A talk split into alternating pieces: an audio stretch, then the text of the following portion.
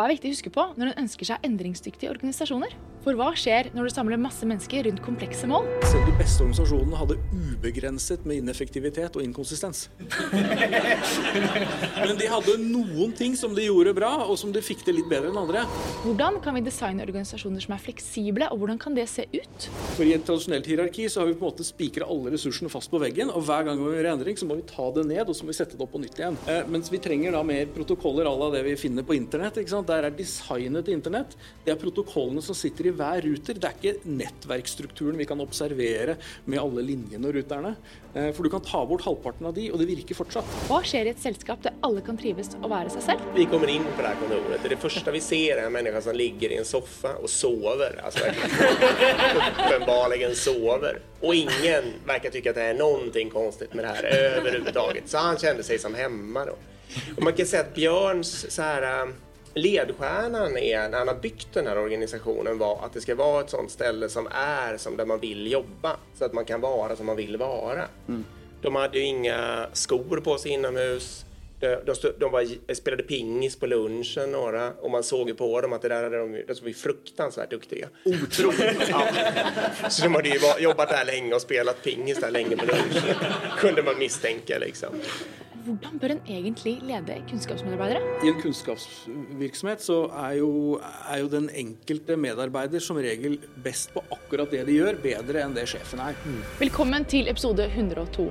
I denne episoden har vi besøk av Vegard Kolbjørnsrud. Han er førsteamanuensis på BI. Vegard har mengder av kunnskap om organisasjoner, organisering og strategi, og er en enormt god formidler. Men hvordan går vi fra å være smarte og smidige folk da, til smarte og smidige organisasjoner? Vegard suppleres av Agilpoddens Erik Hultgren og Dick Lyhamar.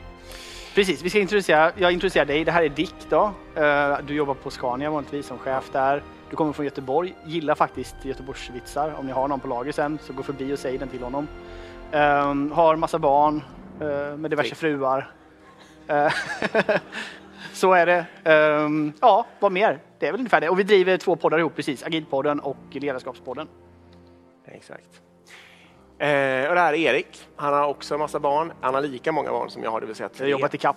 Exakt, han har jobbat i kapp. Eh, och han jobbar nu för tiden som engineering manager på Spotify. Vi har endelig også fått laget oss merch. Ser du etter en julegave til en ansatt eller til en venn, så hva med en liten Smidigpodden-kopp til å drikke morgenkaffen ut av? Eller kanskje en født smidig T-skjorte? Eller kanskje du bare har lyst på en skikkelig myk og deilig collegegenser med Smidigpodden-logo? Uansett. Choice is yours. Gå inn på smidigpodden.no shop. Jeg vil også takke alle dere som støtter Smidigpodden-fellesskapet vårt. Vi setter enormt stor pris på at dere ønsker å være del av Smidigpodden-fellesskapet. Før vi hopper ned i episoden, så vil jeg også takke våre partnere. Våre to hovedpartnere, Sparebank1 Utvikling og Capra. Og også vår partner Gnist. Og Vegard, du snakker jo veldig mye med ledere. Du er ut, mye ute i organisasjoner. Eh, hva er det som overrasker deg mest når du snakker med ledere? Åh. Det- var et åpent spørsmål. Nei, det er ehm, Det er jo at en del av de tingene vi snakker om, er enkle i prinsippet og veldig vanskelig i praksis. Eh, så vi skal prøve å være innovative og, og effektive samtidig. Det er vrient. Vi skal prøve å få til autonomi og samordning samtidig. Det er vanskelig. Eh, vi prøver å eh, samarbeide med maskiner og sliter med å samarbeide med folk. Eh, Så, så, så det, det er mange sånne ting som altså Det koker ned til ganske praktiske greier. Og så er det mye av det vi har lært bort på sånne handelshøyskoler, som jeg kommer fra, på BI, eh, er, er basert på en industriell logikk. Og det passer jo kjempebra for 20% av virksomhetene i landet. Men ikke for 80. Nei. Eh, og, og, og, og det skaper en del spenninger, fordi da er alt det vi Jeg er jo gammel siviløkonom sjøl. Liksom det vi har lært, det, er, det må tilpasses, og liksom du må endre på en del greier. Så det handler mye om mindset også. Nå eh, jeg, jeg var jo kanskje litt rask på labben nå. Var jeg det? Jeg vet ikke. Ja. Eh, fordi det er jo ikke alle som kjenner deg, Vegard. Og det er jo ikke alle som kjenner dere heller, Erik og Dick. Så jeg, jeg var jo litt rask på den, jeg nå. Ja, men det var så kanskje på en måte en introduks- introduksjon på seg. Ja, det var det. Ja. Ja. Men Vegard, du kommer i hvert fall fra Du er jo jeg, jeg sa Jeg møtte deg på OB. Husker du hva jeg kalte deg da? Eh, nei. Min favorittprofessor. Å, takk. Kan ikke si noen ord om deg selv, da. Jo. Ja, ehm, jeg er førsteamanuensis, og det betyr at jeg forsker og underviser. Eh, og så er jeg på Institutt for strategi og entreprenørskap og jobber mye med organiseringsspørsmål. Eh, organisasjonsdesign eh, og hva, digitalisering, og særlig kunstig intelligens. Da. For hva skjer egentlig når vi kombinerer intelligent teknologi med intelligente folk? Spennende. Jeg syns det. Men det fine, da, det, det fine med akademikere, vi velger jo hva vi vil drive med sjøl. Så jeg syns også det er spennende. Ja. Det er en fordel, da. Og så er det dere, Erik og Dick. Det er jo veldig, veldig Jeg syns det er egentlig veldig gøy at dere endelig har kommet til oss. Vi har ju snackat om eh, att vi skulle mötas och göra någon podcast egentligen ganska länge. Men så var det lite covid och så var det lite andra ting och så rann det liksom ut i sanden och så plötsligt så var det 100 jubileumsepisode och så är vi här. Så det är gøy. Fordi dere har jo Agilpodden i Sverige. Det stemmer. Ja. Kan du ikke bare si litt, liksom, litt bakgrunnen og litt liksom, hva er Agilpodden? Liksom? For det er ikke sikkert at man vet eller forstår hva det er. Absolut, absolut. Det är en svensk podcast eh, som handlar om eh, allt kring agilt. Eh, Det började egentligen med att Dick var min chef och vi var i Brasilien och jobbade. Och på flyget hem så satt vi och sa gud vad de gör allting dumt. Det var mycket projektledning och sånt. Ja, det var ganska oagilt arbetssätt. Så tänkte vi, vi har massa idéer på hur vi ska göra det här bättre. Och så sa vi, vi borde skriva en bok. Men sen insåg vi att skriva en bok är ett vattenfallsprojekt. Man jobbar i 18 månader och sen releasar man. Eh, och det passade inte riktigt oss. Men vi skrev faktiskt varje kapitel eh, och en summering av varje kapitel på flygplanet. Ehm, och sen då eh, när vi kom hem så sa vi nu skriver vi bok men så orkade vi inte riktigt det och då gjorde vi en podcast. Så första episoden är första kapitlet. Agil projektledning heter det. Och det är nu då sju år sedan ehm, som vi började med detta. Så vi håller på också. Vi är över 100 avsnitt. Vi leder fortfarande. Som, som svenskar är lite bättre i det mesta. Eh, eh, vi är, jag vet inte, 130 kanske. Ja, 130 nog. Ja. Ja. Det, det, det var ju där det startade lite, eh, i alla fall för min del var ju att jag liksom startade höra på er podcast och blev lite inspirerade. Tänkte liksom att det här det är bra. Det har vi inte i Norge. Det var import- importera. Så det gjorde vi. Det är bra. Vi tar 5 procent eh, av alla era intäkter i framtiden. Men da tar du også 50 av regninga, da, eller? Det kan få med ett stycke kaka jag. Ja, tack, tack. Det blir bra. Yes. Vi, eh, som sagt, som du sa Ida, så ska vi snacka om vad som kännetecknar ändringsdyktiga organisationer. Det er helt riktig. Och vi tänkte på att vi delar det lite upp för att pröva hålla lite ordning i dialogen. Vi Ja. prövar i alla fall på det då. Så Vi tänkte starta med strategi.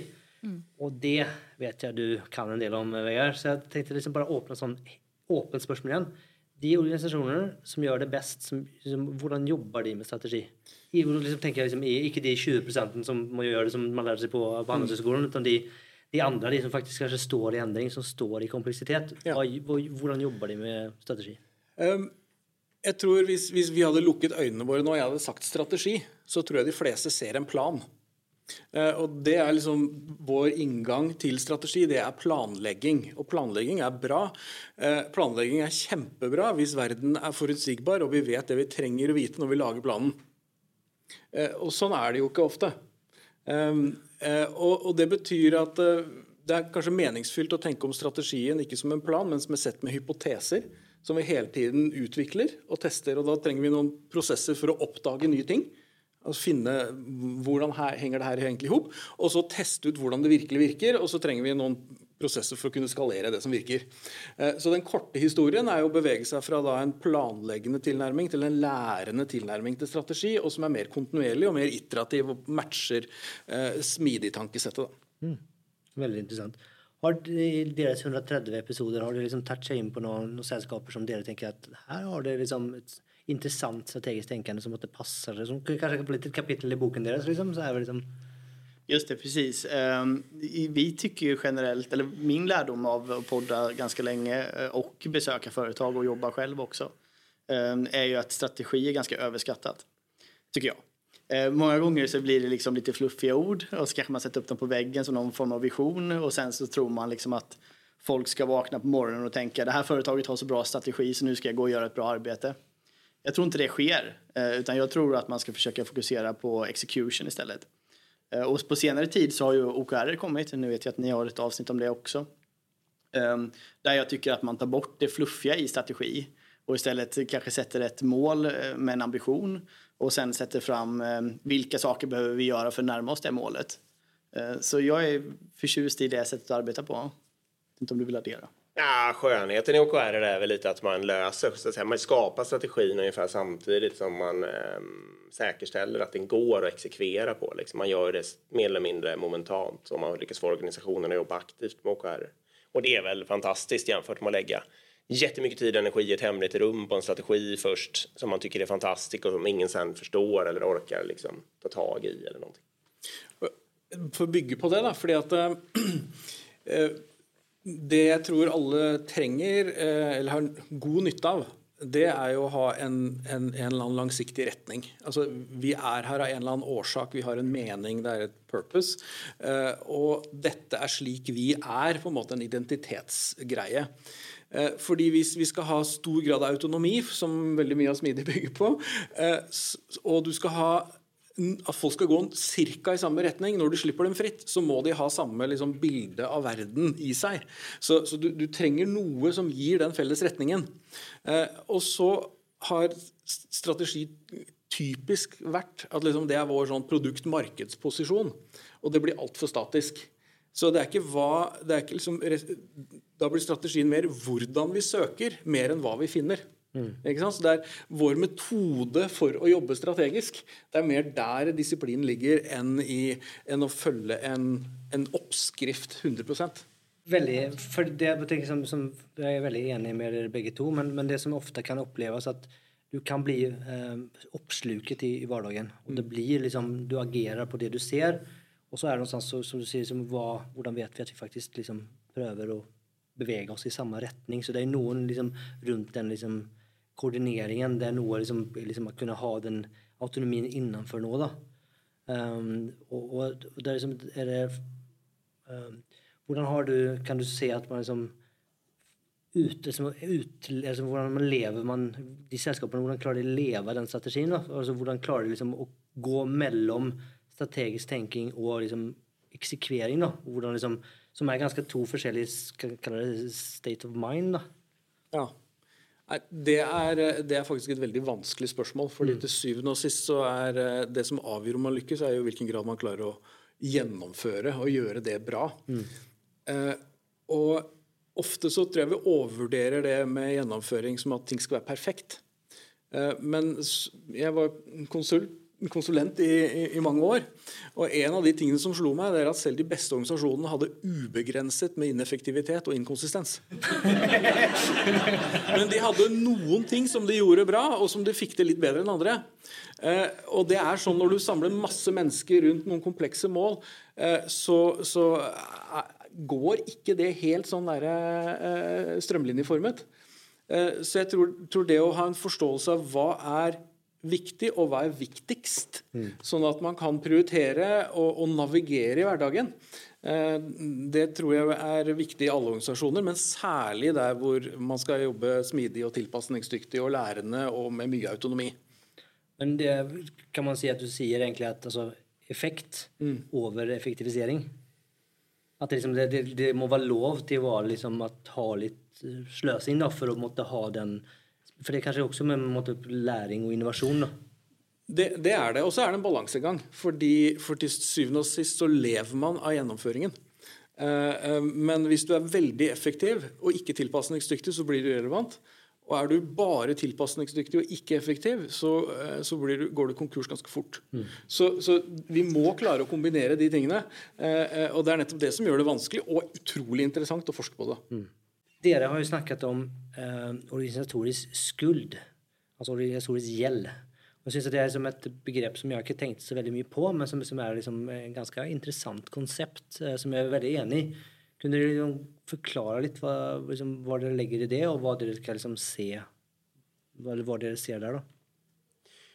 Jeg tar den. Mm. Det enkleste Det enkleste er å tenke på uh, teknisk skuld. Eh, vi bygger en produkt, vi jobbar med den i många år och eh, från första kodraden så att säga så börjar vi bygga en teknisk skuld för vi har gjort lite val och vi har gjort lite olika saker. Eh, om vi inte arbetar aktivt på att bygga bort den så kommer den att växa och vara ett problem till slut. Så att säga. Eh, en organisation som kanske har levt sedan eh, ofta då lite längre tid i och för sig, men kanske många tiotals år sedan 1900-talet någon gång. Ehm, den har ju gjort olika val, hittat på olika processer, beslutsvägar, vad det nu kan vara för någonting, som den tror löste ett problem som fanns på den tiden, kanske 1950-talet. Det kanske var industriellt, man kanske tänkte att människor behövde kontrolleras lite, man kanske eh, hade anställt människor som inte var så motiverade, man kanske hade eh, olika beslutsinstanser för om man ska få köpa någon grej eller man kanske hade en väldigt strikt process för hur man eh, gör lönesättningen eller anställer någon eller vad som helst. Eh, och sen har väldigt många organisationer som har levt länge har en tendens att bara lägga till sådana där i all eh, oändlighet. Och det är organisatorisk skuld. Så alla gamla påhitt som man har gjort under årtiondena som inte löser något problem som vi har idag men som löste ett problem som vi hade eller trodde att vi hade eh, förr i världen så att säga. Det är organisatorisk skuld. Och om man då vill eh, bli en organisation som det är kul att jobba i eh, och för den delen som är effektiv och sådär kanske och har kapacitet att ta tag i saker så har man väldigt mycket att tjäna på att hela tiden jobba bort organisatorisk skuld och ifrågasätta gamla processer, eh, liksom styrformer, upplägg, vad det nu kan vara för någonting. Mm. Jag kommer med två konkreta ja, exempel. Eh, tidrapportering. Ja, det är ett bra exempel. Ehm, att man måste rapportera var man lägger sin tid. Det har ju många gånger i ehm, speciellt mjukvaruorganisationer inget som helst värde. Ehm, det skapar lite rapporter som några chefer kanske tittar på och så lägger man undan det. Så det är någonting som många företag bara kan ta bort och ingenting händer. Liksom det är bara spara tid för alla och irritation och det blir ingen faktisk skillnad. En annan sak som vi har hittat är just medarbetarsamtal och utvecklingssamtal. Det sker ofta mellan individ och chef som ett litet hemligt eh, papper man delar mellan varandra. Um, och jag kom, tänkte på det, bara, varför är det här ett hemligt kontrakt mellan mig och min chef? Varför vet inte alla om det här i mitt team? Vad, vad jag vill utvecklas till, vad mina mål är och sånt. Så vi började dela dem med varandra i alla team och i även chefsleden. Och det gav en jätte, jättebra effekt. Och då tänkte jag att det här borde man ju ta bort och göra överallt. Ehm, men det är också en sån grej som bara lever kvar, liksom, som också är ett tecken på eh, organisatorisk skuld. Och den är ett jättebra exempel, för den kommer från den tidsserien när chefen kanske kunde arbetet lite bättre än medarbetaren, så att säga. När målarmästaren var chef över målarna på något sätt. Och då var det kanske lite rimligt att den höll i utvecklingssamtalet och sa att du behöver träna på den här sortens målning eller vad det nu är. Liksom. Men så är det ju nästan, eller väldigt sällan i en modern techorganisation att chefen är den duktigaste utvecklaren och därför är det organisatorisk skuld. Så att säga. jeg syns det kan være veldig interessant å skille på For når dere snakker om organisatorisk gjeld eller skuld, så ehm, um, tenker man jo fort på prosesser. Ikke sant? Um, men jeg syns det kunne vært interessant å snakke om ok, men hva med prinsipper versus prosesser. Um, ehm, for jeg opplever at det å eh, uh, strukturere seg rundt prinsipper ofte er veldig mye mer kraftfullt enn å organisere seg rundt prosesser. Har dere sett noen eksempler på det? Eh, i sällskap har snackat med eller städer där har varit? Mm, absolut. Det finns en, eh, en bank som heter Avanza i Sverige. Jag vet inte om ni känner till. Det är ganska stor eh, bank. De är kanske 300 utvecklare något sånt där, i sin IT-organisation. Eh, och de insåg att de blev långsammare och långsammare. De jobbade projektbaserat. Eh, så de började mäta att för varje feature vi levererar till vår eh, då app eller hemsida, hur många team måste vara inblandade? Hur många beroende finns för varje feature? Och då fick de ett snitt på 7, någonting, 7,3 team måste vara inblandade för att få ut en feature. Och så tänkte de, okej okay, det här är antagligen inte så smart, uh, vi borde göra något annat. Um, så de skapade en självorganisering um, där de istället skapade eh, team som ägde end-to-end, -end, liksom arkitekturellt. Um, ehm, och sen så satte de upp helt enkelt, det här är de teamen vi tror vi behöver. Och sen fick alla medlemmar välja vilket team vill jag gå till. så de gjorde en självorganisering och sen så körde de igång. Det här krävde ganska mycket eh, ombyggnation också av alla system. Eh, men i slutändan så har de nu 1,2 ehm, eh, team i snitt för varje funktion de levererar. Vilket är en otrolig förbättring. Mm. Vilket har gjort att de ökar farten, de får mycket mer större förståelse för kundupplevelsen som den featuren ger. Ehm, och de har också blivit väldigt framgångsrika i Sverige och växit väldigt, väldigt mycket. Så det är ett exempel på där man har liksom eh, inte traditionellt organiserat sig efter hierarki och några chefer bestämmer vilka utvecklare som ska jobba med vad och vad teamet ska göra. Utan man har tagit det från ett annat perspektiv. Uh, ja. Kan jag bara nämna, Det är en lite sån geeky side note. da. Men, eh, men eh, man snakker om kompleksitet, så en måte å beregne det på gjennom en sånn eh, NK-modellering. og Da er kompleksitet antall elementer og avhengighetene mellom dem. Eh, og Avhengigheter er noe av det som driver kompleksitet eh, kraftigst. Så Det er et veldig godt eksempel på forenkling. da. Det å rett og slett ta ned de avhengighetene mellom de ulike teamene, og antageligvis underliggende også mellom de ulike systemelementene. Nej, men verkligen. Och problemet är att om de inte hade gjort det här, då hade de behövt eh, anställa 200 utvecklare till. Och så hade de suttit och ökat på komplexiteten och sen tre år senare så hade de haft nio och ett halvt team istället för varje feature. Och det är ganska lätt. Och sen då, många tar lösningen på det och applicerar safe ovanpå det. Så att man bara koordinerar allt med tåg och olika eh, linjer och sånt. Eh, Och så lägger man på administrationslager så måste man ha ännu mer administration för att klara av sin vardag.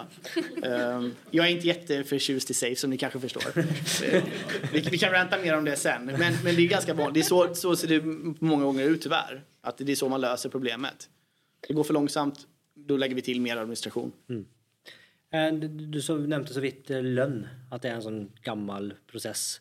Och så vet jag, det, har till och med varit på studiebesök, stämmer det var liksom en liten industri, det var en industri var det som hade en... Ja, precis. Eh, Det är ett helt fantastiskt bolag. Eh, Björn Lundén heter de. Ehm, Finns eh, uppe i Norrland i Sverige. De håller på med redovisning. Så de hjälper företag att göra redovisning. Hva er redovisning? Vad sa du? Redovisning? Eh, accounting. Bokföring. Ja, Ja, bokföring. med. Var jeg den eneste som ikke visste det? Nej. ni, ni måste våga fråga. Ehm, ja, accounting. Ehm, och de gör både mjukvara lite, men framförallt så hjälper de företag med att liksom, göra rätt bokföring och så. Eh, och han har bestämt sig för att inte ha chefer. Ehm, han har bestämt sig för att ha helt transparenta löner. Eh, och eh, egentligen ta alla beslut via att samla alla medarbetare och ha handuppräckning i ett rum. Eh, vilket var otroligt inspirerande. Så vi, vi mejlade den här killen och sa kan inte vi få komma? Och det fick vi. Så vi åkte tåget upp och besökte dem en hel dag. Eh, och det är väldigt spännande kan jag säga att gå in i ett kontor. eh, där det, då, det var liksom, ja, vad ska man, vad, vad ska Alltså första, vi, vi kommer in på det här kontoret. Det, är det första vi ser är en människa som ligger i en soffa och sover. Alltså uppenbarligen sover. Och ingen verkar tycka att det är någonting konstigt med det här överhuvudtaget. Så han kände sig som hemma då. Och man kan säga att Björns så här, ledstjärnan är, när han har byggt den här organisationen var att det ska vara ett sånt ställe som är som där man vill jobba. Så att man kan vara som man vill vara. De hade ju inga skor på sig inomhus. De, de, stod, de var, spelade pingis på lunchen några och man såg ju på dem att det där hade de, de var ju fruktansvärt duktiga. Otroligt! ja. Så de hade ju jobbat där länge och spelat pingis där länge på lunchen. Kunde man misstänka liksom. Eh, han, vi satt och fikade sen tror jag lite senare och så eh, pratade vi om det här med de transparenta lönerna. Så vänder han sig bara om till några och frågar vad tjänar du? och så här som man absolut inte skulle göra liksom i en vanlig kafeteria på ett vanligt företag. Eh, och de bara ja vad är det jag har nu igen och så svarade någon siffra då. Liksom. Eh, och så det är verkligen ett exempel på någon som har byggt ett principstyrt företag på ett helt annat sätt. Ja, verkligen. Det intressanta där också var att eh, det var två utvecklare där vid fikan som sa sina löner och det skilde ganska mycket. En tjänar ganska mycket och en tjänar ganska lite. Och då var hans första fråga, förstår du varför den personen tjänar mer än vad du gör? Är det motiverat liksom? Och det tyckte den personen då att ja, jag kanske ligger lite lågt men jag förstår ändå varför. Um, och även deras lönerevision så hade de, de visade, då hade de byggt ett litet webbprogram. Um, så då fick man gå in och ge eh, de röstade först hur mycket av uh, vinsten de skulle sätta av till löneökningar.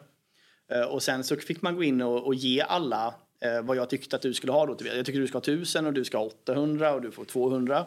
Och sen får man average av det som alla har satt liksom. Eh, Nej, ganska smått. Ja, det är ganska smart. Eh, jag kan säga, det fanns några som inte var helt nöjda. Eh, men det var ändå en väldigt, väldigt, väldigt, väldigt intressant. Och det är alltid kul med företag som gör lite, lite annorlunda. Men diskuterte ni noe rundt eh, nedsidene? Hva gjør det på den måten? En gång till. Utfordre, altså Hva, eh, diskuterte dere utfordringene? Hva gjør det på den siden? Den måten? Så nack, nackdelar. Nackdelar, okej. alltså, jag, ska bara, jag, jag fäller in en snabb anekdot Ja, här. Eh, för Dick sa så här, jag, jag vet inte om jag förstår norska. Och jag sa, det är lugnt, jag kan. Eh, Men sen, sen när vi kom hit så vart jag lite nervös eh, när vi kom till hotellet för jag tänkte, kan jag norska? Så jag tar på tvn, tänker jag sätter på NRK och kollar och liksom, hur mycket kan jag, hur mycket förstår jag? Lite nervös, flippar fram NRK, det är några nyheter, koncentrerar mig. Jag skulle säga 90 procent förstår jag, eh, ungefär. Och du förstår kanske lite under 90 procent då, så ja. Vi har, vi har Nackdelar. nackdelar. Ja, men- här. Nack, nackdelar var, eh, vi- det var en tjej som jag satt bredvid när hon jobbade. Hon tyckte liksom att eh, hon tyckte det här var riktigt jobbigt att, eh, att sätta löner på sina kollegor. Ehm, och och hon sa jag hade mycket, mycket hellre haft en chef som gjorde det åt mig. Jag vill inte blanda mig i det här liksom. Så jag tror det här företaget är inte för alla, absolut inte. Men de ligger verkligen så remote ni bara kan tänka. Man åker tåg, sen åker man bil, sen går man typ genom en skog, över en stubbe, liksom typ bakom ett träd. Ungefär där Ingen ligger det liksom. Och de har fullt med ansökningar till folk som vill jobba där. Så de lockar ju uppenbart, alltså de lockar väldigt mycket folk på det här sättet att arbeta. Eh, och de expanderar och har väldigt, väldigt nöjda kunder. Men det är nog inte för alla. Jeg, jeg tror den siste refleksjonen er altså veldig interessant, fordi må alle organisasjoner være designet for å passe alle mennesker? Eh, eh, og, det ligger litt implisitt i det at kanskje ikke. Eh, og, og det å faktisk ha eh, en sånn Akkurat som man prøver å tiltrekke seg kundene ved å differensiere seg, så kan man også gjøre det i rekrutteringsmarkedet. Hva, slags profiler er man ute etter å tiltrekke seg? Når det gjelder mulige ulemper, da, eller problemer som kan komme av dette. Fordi jeg har, jeg har veldig stor tro på transparens som styringsmekanisme. Kanskje den primære. Det kan vi sikkert komme tilbake til. Men en av de mest kjente organisasjonene i verden som har tatt dette med selvorganisering lengst, um, den som sa dette her, navnga ikke det, så jeg skal ikke gjøre det heller, for da sprer jeg bare rykter. men uh, vedkommende fant også ut over tid at det ble den um, det ble sterkt sånn altså at du ikke hadde hierarkisk distanse, men du hadde enorm eh, sosial statusforskjeller som gjorde at hvem, hvem fikk vite noe først, så de hadde mulighet til å velge å bli med på det? Eh, eh, hvem var populære og hadde status for å, som tiltrakk seg andres stemmer i, i, i lønnsfastsettelse osv.? Så, videre. så det er noen potensielle skyggesider hvis du har en sånn eh, For det kan fort bli litt som på, på videregående eller på high school, hvor, hvor det er sosial status som driver hele dynamikken, istedenfor en hierarkisk status, som, som, som er problemer som vi kjenner enda bedre. Eh, men alle, alle måter å løse ting på har potensielle skyggesider. Sant. Har du i din forskning sett eh, organisasjoner som på en måte eksempel har løst lønn på en veldig annerledes og kreativ måte? Nei, dette er jo et godt eksempel. Da. Um, eh, og, og så er det jo, Her er det jo to aspekter. Det ene er jo hvordan er det lønnen fastsettes. Ikke sant? Her er det en sosial prosess med litt sånn stemmer og, og litt sånn eh, prosess rundt det. Og det andre er jo transparensen. Altså hvor åpent er det? Eh, og så kan man stille seg spørsmålet eh, Hvis det ikke kan være åpent, er det da bra? Altså hvorfor skal noe skjules? Eh, Bør ikke åpenhet være standard og hemmelighold er unntaket? Så kan det være personvern, det kan være helseopplysninger, det kan være en hel masse greier som gjør at det fins grunner til at noe ikke skal være offentlig. Men, men, men vi har jo en sånn tilnærming til dette i de fleste organisasjoner. Det er litt sånn gammel amerikansk agentfilm. It's on a need to know basis. Og da kan vi være helt sikre på at det er en hel masse som trenger å vite, og som ikke får vite. Mm. For, da, for det er jo kun de tilfellene hvor det er helt forutsigbart at informasjonen flyter slik den skal. Eh, så, så jeg tror åpenhet er ekstremt viktig, og man kan stille seg spørsmål kan vi stole på hemmelig informasjon. Er det ikke egentlig bare åpen informasjon som er ordentlig validert? Ikke sant? Hvis du setter det litt sånn på spissen. Mm. Jag håller med helt och hållet. Och jag tror enda sättet också att få bort eh, de löneskillnader som finns mellan till exempel kvinnor och män, det är ju att öppna upp där. För det, det funkar, det kan vara skillnad idag för att det är hemligt och det styrs av många manliga chefer. Eh, Så jag tror absolut lösningen är att öppna upp löner. Drømmer du kanskje om å levere digitale produkter lynraskt og friksjonsfritt? Hvem gjør vel egentlig ikke det? Siden 2007 har Capra stått i frontlinjen for å utvikle menneskelige, moderne IT-organisasjoner. Men kanskje legacy-arkitektur, dårlig teamorganisering og tilgang på utviklere står i veien? Møt Capra. Capra er ekstra stolte av sitt samarbeid med Manuel Pai, en av forfatterne bak den banebrytende boken Team Topologies. Selve bransjestandarden for hvordan man bygger IT-organisasjoner basert på fart og flyt. Capra har allerede hjulpet store navn som Vi, Gjensidige og NRK med å bygge moderne og menneskelige IT-organisasjoner. Har du lyst til å vite mer? Sjekk ut capraconsulting.no, eller ta direkte kontakt på sos at capraconsulting.no. Og nå tilbake til episoden. Nå er vi på en måte litt over på kultur. Um, da tenker jeg at uh, jeg har lyst til å stille spørsmålet. I, vi har jo snakket om, Tobias, at uh, norsk kultur på mange måter tilrettelegger for smidig eller agil. Um, hva er deres opplevelse rundt svensk kultur? Er det en enabler, eller er det mer krevende, eller er det jag tror att eh, det här har vi nog hört också, några som har, någon av eh, författarna till manifestet eh, som har varit med. Att de, det var väl eh, Kalifornien som nämndes förstås, men även Nederländerna och Skandinavien.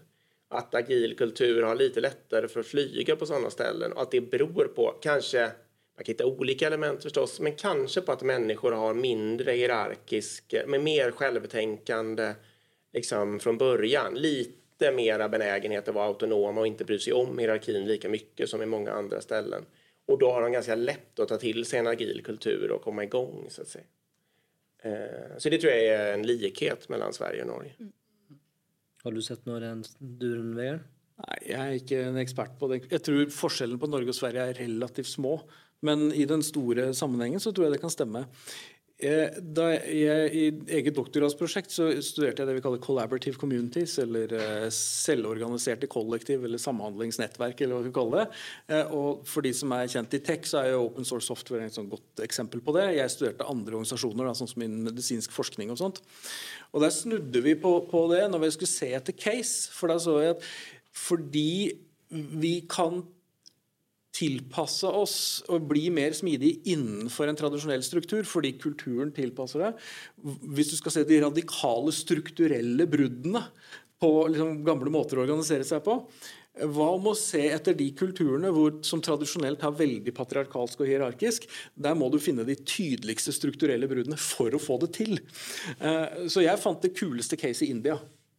Uh, og, og da, da, men, men, der var, uh, men der måtte de altså jobbe veldig eksplisitt på å bryte strukturene.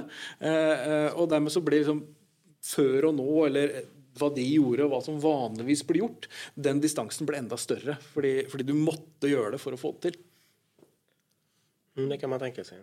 Och kan man, kan man tänka sig att effekten där också blev större? För att det liksom på något vis att ref och tillträcka sig eh, nyansatta och få folk till att bli och alltså vad det liksom i för liksom At det var liksom en attraksjon, en liksom kraft ja, det, i bare å være annerledes? Det tror jeg. Og det hører f.eks. fra Telenor, da, som dels er i Norden og dels i Asia.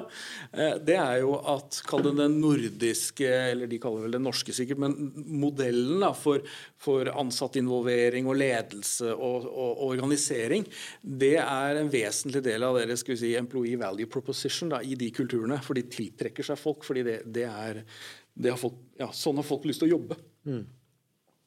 Så Det er iallfall det de sier selv. Mm. Mm. Vi var jo inne litt i forrige episode og snakka liksom om fremtiden og, og usikkerhet, eh, endring. Mm. Uh, og det er jo kanskje mange som liksom kan kjenne på det. da. Um, liksom, hva, hva, gjør man, hva gjør de beste organisasjonene for å liksom, håndtere den usikkerheten og endringen? da? Um, her er det jo mange dimensjoner. Mm. Um, så noe er jo å erkjenne at den er der, og ikke late som den ikke fins. Sånn at det, det, det, er starten. Hvis vi tenker på organisering, så tror jeg vi må slutte å tenke at organisering er struktur i tradisjonell forstand.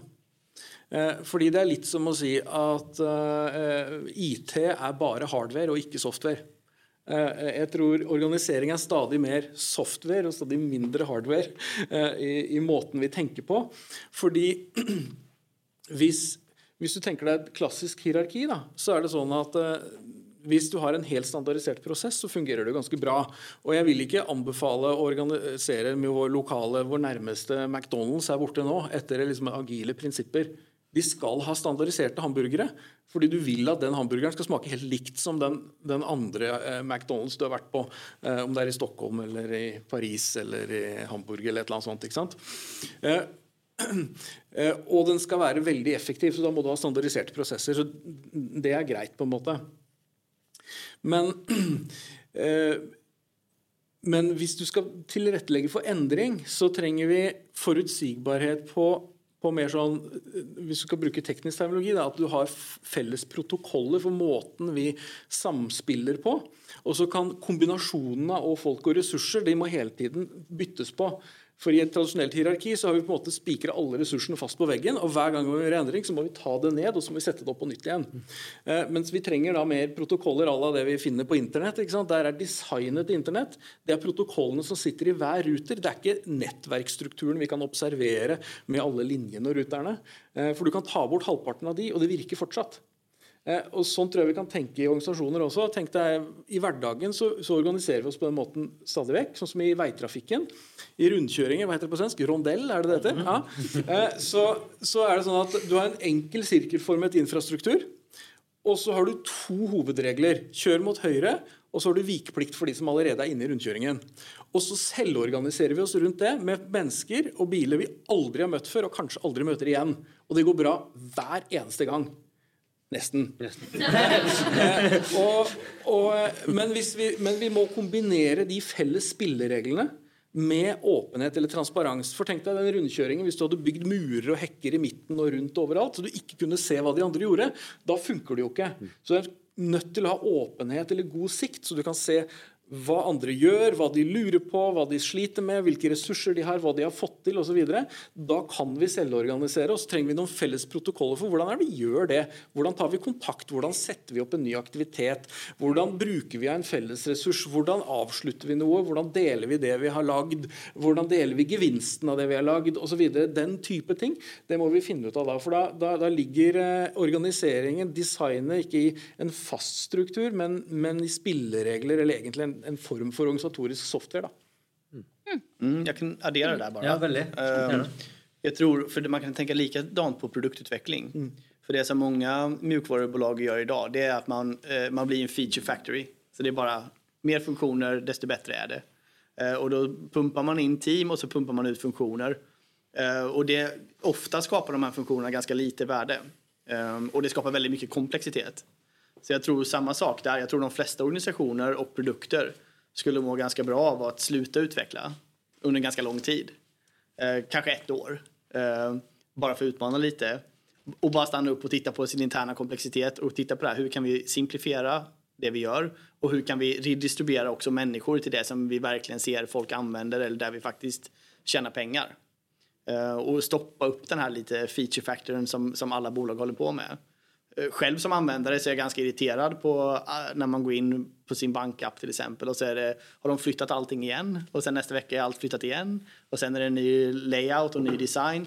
Jag menar om mina barn ska vara lediga från skolan eller förskolan. Det är typ tre appar som jag måste gå in i i olika flöden. Det är helt omöjligt i Sverige i alla fall att hitta i de här sakerna.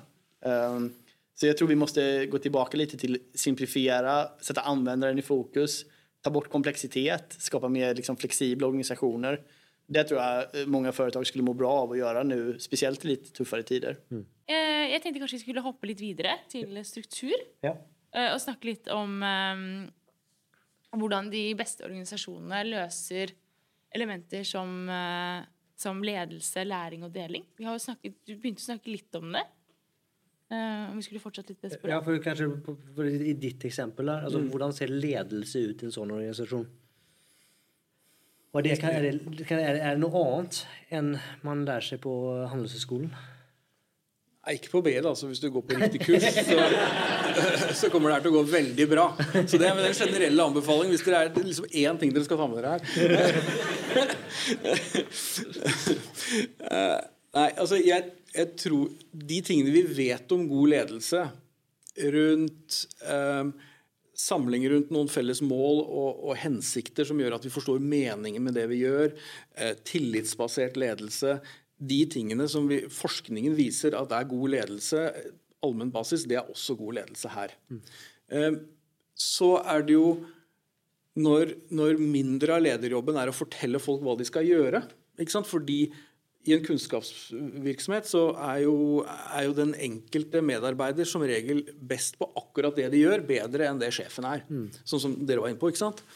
Eh, og da, da, ligger det jo mer de tingene som handler om å utvikle de ansatte, sørge for at vi fokuserer på de rette problemene, eh, at vi kanske har felles, eh, noen felles metoder som gjør at vi kan jobbe effektivt sammen eh, och og skape en felles kultur. Og, det, det jeg ser særlig eh, for Jeg har gjort noe, väldigt et veldig interessant prosjekt det siste året sammen med forskerkollegaer i Accenture knyttet til eh, bruk av kunstig intelligens i, i, naturvitenskapsbaserte bransjer. altså Sånn som farma, biotek, energi, romfart, fra jordbruk. Så ser vi hvordan det kan kraftig akselerere den måte, oppdagelse av de vitenskapelige prinsippene og få kommersialisert dem. Eh, forutsetningen for det er at man klarer en tverrfaglig organisering. og Den er en ekstremt tverrfaglig organisering når du da skal få data science og hard science og hele greia sammen. Och og, og eh, da får du ulik kultur som må harmoniseres. Du får ulik rytme. Fordi eh, Hvis du tenker smidig, så er det som klassisk rytme er eh, eh 14 dager. Eh, mens i naturvitenskapen så er den i hvert fall i flere måneder. Eh, eh og så har du ulikt språk, og noen ganger så bruker man eh, det samme ordet, men det betyr helt ulike ting. Så noen av dem har da måttet jobbe med å lage en felles ordbok. Eh, for dette er det det betyr hos oss. Hvordan skal vi få til eh, den type samspill? Da? Fordi vi, vi heier veldig på mangfold, og det er mange grunner til å gjøre det. Men når du skal få desto mer forskjellige folk er, desto vanskeligere er det å få til samarbeidet. Og desto mer krysstrening og, og kompetanse på tvers trenger du. For du må skjønne hvis du og jeg skal snakke sammen, så må vi ha et felles språk. Men jeg må da, vi skal samarbeide, så må jeg skjønne litt mer av hva du kan, og hva du gjør i jobben din, og hva som er viktig der, og, og vice versa. Eh, eh, for det er avhengig for at vi skal få noe synergi oss imellom. Og det blir veldig tydelig at desto mer heterogenitet vi får inn i teamene, desto viktigere er det å på en måte få ledere til å kunne eh, fasilitere gode prosesser.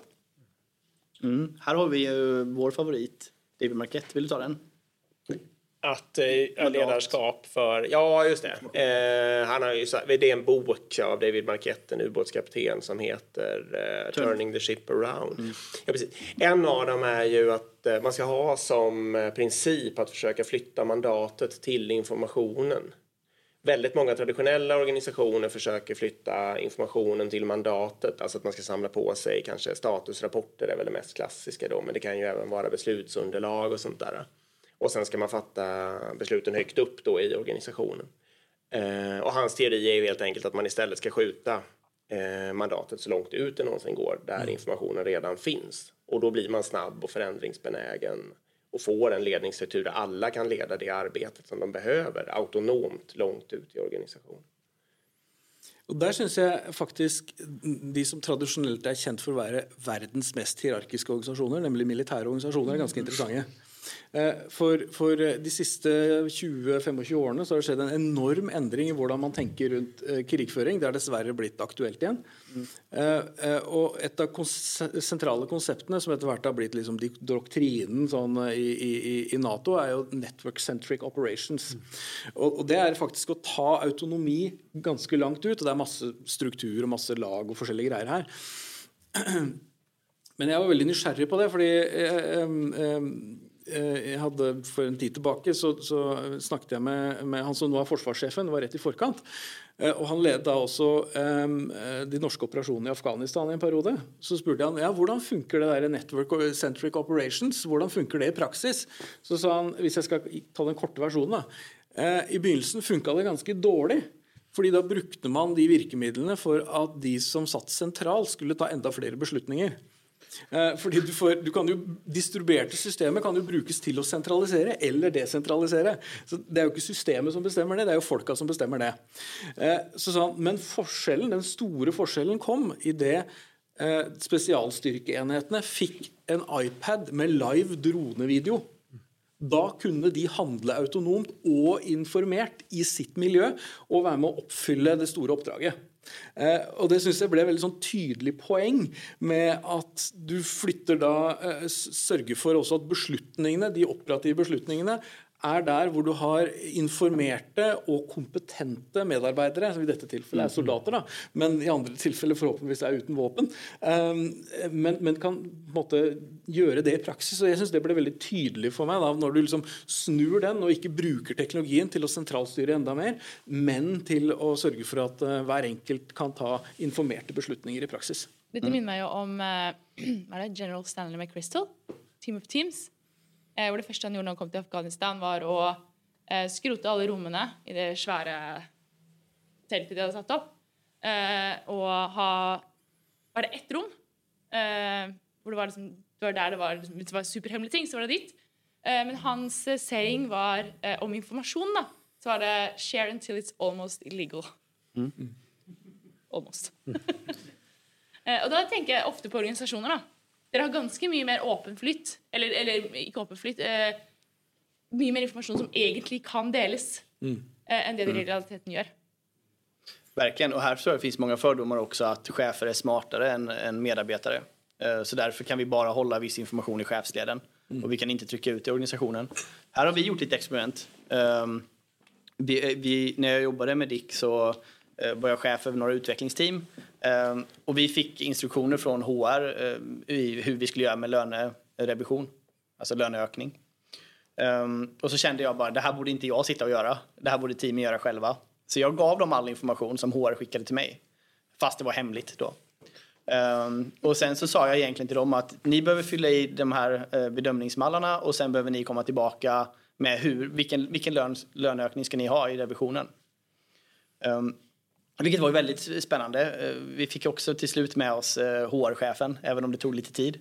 Eh, och det var jättespännande att observera det här för de, för det första hade de ingen aning om hur själva löneprocessen fungerar. Om man inte har varit chef så vet man inte om hur, hur ser det ut, hur budgeteras det och vilka saker ska man fylla i och inte fylla i.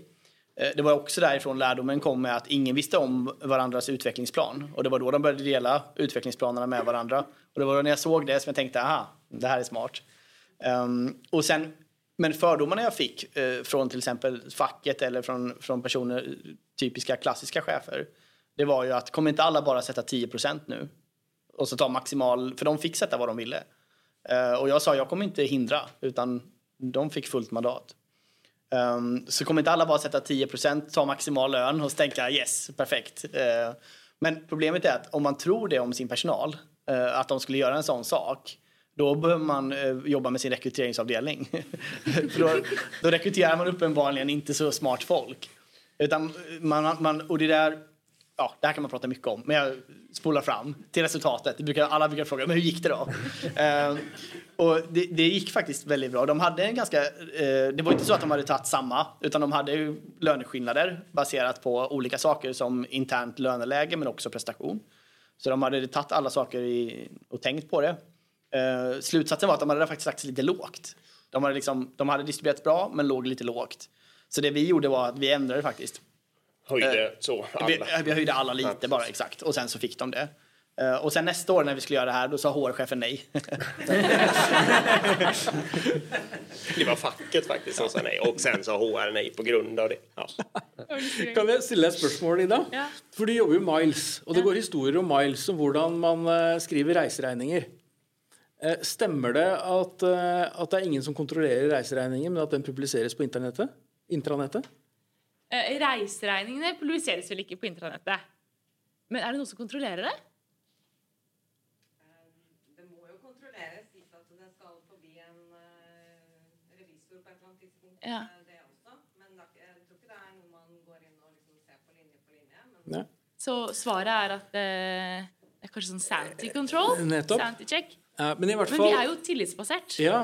Så men, det er jo, alt er jo men, men, det som er med åpenhet, da, med transparens, det er jo at du kan eliminere en hel masse kontrollfunksjoner. For hva er kontroll? Er det at én har som jobb å kontrollere? Eller at det er åpent, så i praksis alle kontrollerer? Det, ja, det jeg kan gi som et veldig godt eksempel, er at i Miles så har vi det sånn at uh, alle kan for eksempel, uh, alle kan kjøpe hva slags utstyr de vil. Ja. Altså PC-er, Mac, iPhones, mm. telefoner. Uh, men vi har et dokument som du skriver inn da hva du har kjøpt, når du har kjøpt og til hvilken pris. Det samme gjelder for konferanser. ikke sant? Du kan få dra på hva du vil, men det er full transparens om hvilke konferanser du drar Ja. på, når du drar på det.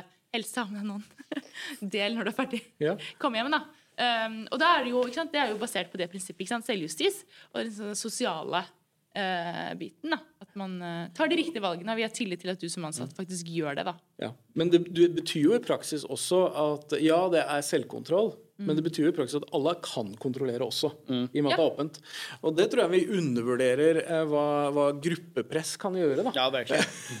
Ja, Jo, men bare, bare sjekk en men- tenåring. altså Jeg har barn på videregående skole og sånt. Altså, jeg mener, De hører jo mer på, på, på gruppepress med blant venner enn på meg. Eh, eh, og er det liksom autoritetsrelasjonen som er den mest styrende for folks atferd? Det er jo mer disse eh, i, Ofte så er det disse sosiale tingene, særlig hvis det er en litt sånn tettvevd organisation. Då. Mm. Precis, det vet jag på, nu jobbar jag på Spotify och innan min tid på Spotify, eh, då vet jag att eh, res, alltså folk reste för mycket eh, internt och det blev ganska dyrt.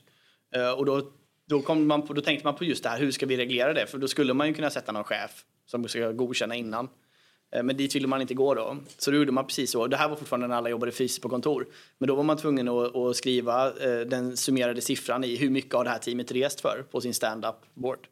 Eh, Och då kunde man se liksom att okay, de har rest för 20 000, 20 000, 300 000, noll och så vidare. Och då blev det lite jobbigt att skriva kanske två miljoner där på sin tavla eh, inför alla. Eh, att man har åkt business class till New York fyra gånger senaste kvartalet. Eh, så det, det, det, det var så det blev självreglerat sen. Och det är så fortfar- vi har fortfarande ingen kontrollfunktion på det. Tiden løper som vanlig eh, fra oss. Den gjør det. Eh, Men et, et, bare en sån sista reflektion som vi vill höra om det er enige. Jeg synes alltså, Mye av det dere har snakka om nå, er at selskaper som gjør det bra, de gjør, det ikke, eh, de gjør ikke de lette tingene. De gjør egentlig ting, altså veldig mye vanskelige ting. Og er det kanskje det, da? At de liksom, man tør å gjøre vanskelige ting, svåre ting. Man tør å stå i det, og man tør faktisk å teste ut ting og kanskje gjøre ting på andre måter. Alltså jag skulle, en spontana tanken som dyker upp är att det, måste inte vara så att de gör svåra saker eller något sånt där. Eh, egentligen. Många saker i ledarskap och organisationsteori är ganska enkla. Vi har touchat mycket sånt där.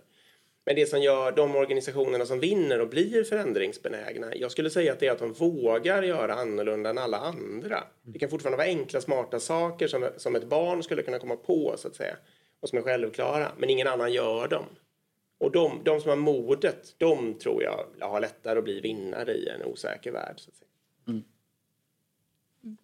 Jag håller med. Og disiplin da, det jo ikke å følge planen, men, men det er jo f.eks. å eksperimentere på en disiplinert måte som gjør at vi lærer av det hver gang vi gjør det, så vi ikke gjør alle feilene om igjen. ikke sant? Eh, fordi det er noe av utfordringen hvis det er veldig mye autonomi og man ikke har læringsmekanismer på tvers. Da blir man en organisasjon som lærer masse og husker ingenting. Ikke sant? Eh, eh, og, og det blir ikke bra prestasjoner av det. Det är väldigt sant. Och jag har kommit på väldigt många experiment eh, i min karriär som jag har velat göra. Och om jag går till någon och säger jag vill göra en förändring, då blir det tungt. Då blir det nej och det går inte, det har vi gjort förr och du vet, safe tillåter inte det här och så vidare. Men eh, om man säljer in det som ett experiment. Vi, låt oss testa någonting och det jag brukar göra är att jag sätter också en tidshorisont. Så jag säger vi testar det här i tre veckor. Eh, Och sen gör vi en retro och sen då tar vi ett beslut om vi ska fortsätta tre veckor till eller strunta i det. Då kan du sälja in vad som helst. Eh, Du kan alltså, alla ska ha hatt på sig jämt när man jobbar. vi testar i tre veckor, jag lovar de flesta kommer bara lite konstigt men okej tre veckor kan jag ha. Eh, Det är ganska bra tips. Og, og så tror jeg I mange organisasjoner så, så får man assosiasjoner til risiko når vi sier eksperiment. Eh, men når vi ikke vet hvordan det kommer å gå, så er det mye tryggere, mye lavere risiko å eksperimentere enn å gjøre det vi kaller et veddemål. Det vil si at vi, vi, vi, vi gjør det i full skala med en gang fordi vi tror det kommer til å virke. Eh, og, da, eh, og, og, og jeg bruker av og til for å liksom får folk i et litt annet mindset, så kaller jeg la oss anvende en vitenskapelig metode på strategi, folkens. Eh, eh, eh, for det er, da har du to løkker. Det ene er hvordan lære av data. Det er jo å utforske. ikke sant? Eh, da har du en speiderfunksjon, eller snakke med kunder eller medarbeidere, eller gå på konferanse eller et eller annet greier. Og så har du en eh, deduktiv løkke som handler om å teste ut teorien din på data for å sjekke om det virker om det virkelig er sant, og under hvilke forhold det er sant. Og sånt. Eh, og da når vi sier ja, vitenskapelig metode, ja, da får alle masse sånn der disiplin og, og, og, og liksom kvalitet og robusthet-assosiasjoner ved det. Og det hjelper ofte med å få folk til å skjønne at dette er faktisk disiplin, det. Eh, eh, fordi de blir så veldig nervøse med en gang du sier eksperiment. Så der har vi en kommunikasjonsutfordring. Mm. Så med det, så tror jeg vi må runde av, faktisk. Ja, det tror jeg òg. Ja. Det har vært eh, kjempeinteressant. Og takk for spesielt Erik og Dick, som har kjørt hele veien fra Sverige. Det er uh, imponerende. Det Tusen takk själva. Tack. Vidare, blir det en kopp kanskje? Ja, det blir kopp.